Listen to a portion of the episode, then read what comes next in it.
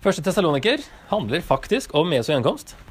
Eh, Det er liksom det som er eh, poenget han kommer til etter hvert. Det er tre, tre koselige kapitler først. Veldig sånn der, eh, Veldig positivt.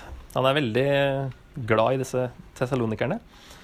Eh, og vi leser da i Postens gjerninger 17 at menigheten ble grunnlagt ca. år 49-50 på den andre misjonsreisen. Og så står det der også at eh, Paulus ble jagd ut av byen etter bare tre sabbater, står det.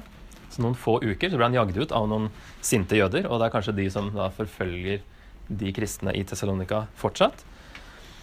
Så hensikten da med brevet, som da er nok skrevet rett etterpå Som da, hvis ikke Galaterbrevet er det eldste, så er Tessaloniker, første Tessaloniker det eldste Paulus-brevet. Han oppmuntrer dem da til å holde ut i disse forfølgelsene, og beroliger dem med at de som har dødd før Jesu gjenkomst, de skal stå opp når Jesus kommer. Fordi i disse forfølgelsene så er det kanskje noen som har dødd, og så lurer de på De forventa Jesus skulle komme igjen allerede i år 50, og lurer på hva skjer med de som har allerede dødd. Det er jo et stort problem.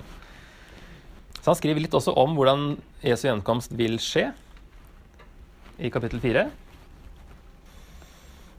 Eh, når befalingen lyder, når erkeengelen roper og Guds basun høres, da skal Herren selv stige ned fra himmelen, og de døde i Kristus skal stå opp først.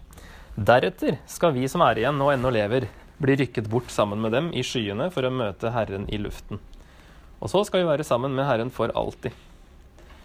Trøst og sett mot i hverandre med disse ordene. Så han sier at de døde da skal stå opp først, så ikke noe å være redd for at de blir eh, etterlatt i det hele tatt.